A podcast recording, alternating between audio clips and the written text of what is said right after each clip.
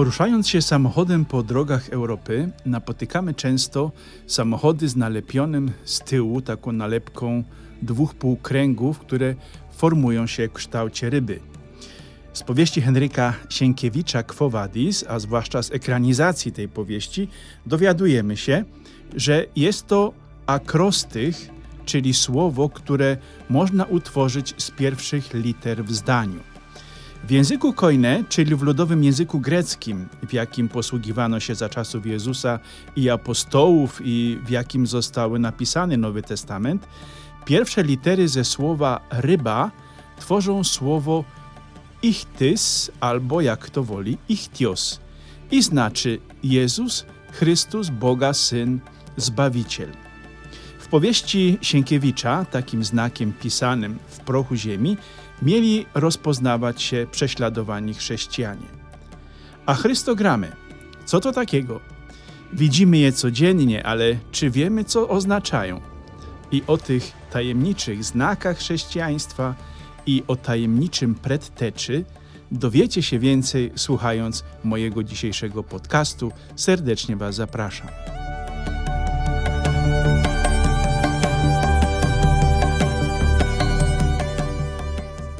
Ja jestem brat Krzysztof, jestem kapucynem, mieszkam w Innsbrucku i e, co tydzień dzielę się moimi przemyśleniami w podcaście pod nazwą Ja mhm.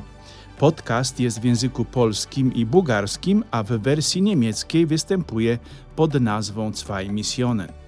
Moje podcasty znajdziecie pod adresem ja.podbin.com i w każdą sobotę od godziny 12 czeka na Was nowy podcast. Serdecznie Was zapraszam.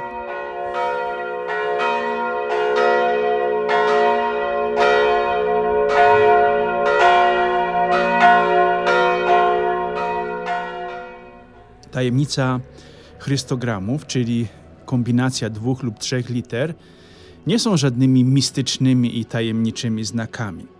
Wchodząc do każdego kościoła katolickiego, niezależnie w jakim okresie ten kościół został wybudowany, na 99% natkniemy się na dwa wszechobecne chrystogramy. Duża litera P pokryta częściowo literą X. Jest to tak zwany grecki symbol Hiro i odnosi się do imion Zbawiciela. Jezus Chrystus.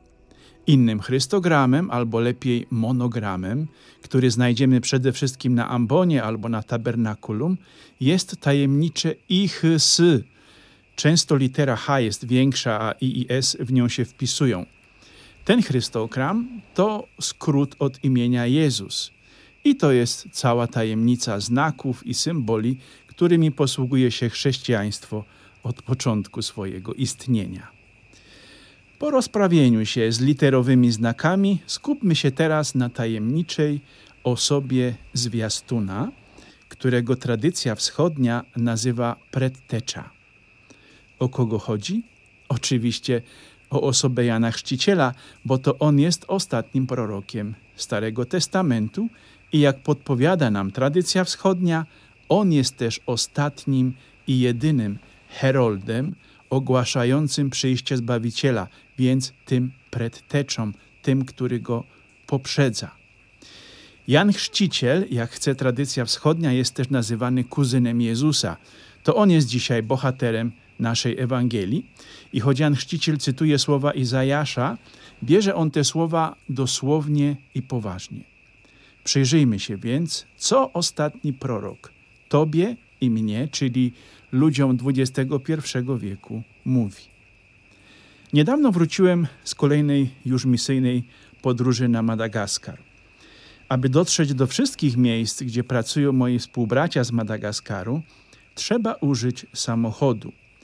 Poza stolicą Madagaskaru, Antananarivo, drogi na tej największej afrykańskiej wyspie są tylko abstrakcją. Około 200 km na północ i południe oraz około 100 na wschód i 50 na zachód od stolicy znane nam pojęcie drogi przestaje obowiązywać.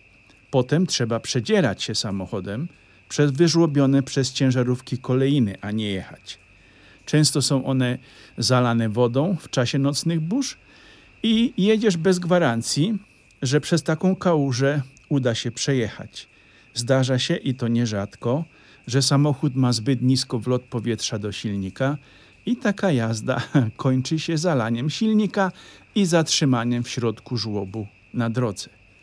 Żeby taką pułapkę opuścić, trzeba wybić przednią szybę, bo jest za mało miejsca, aby otworzyć boczne drzwi.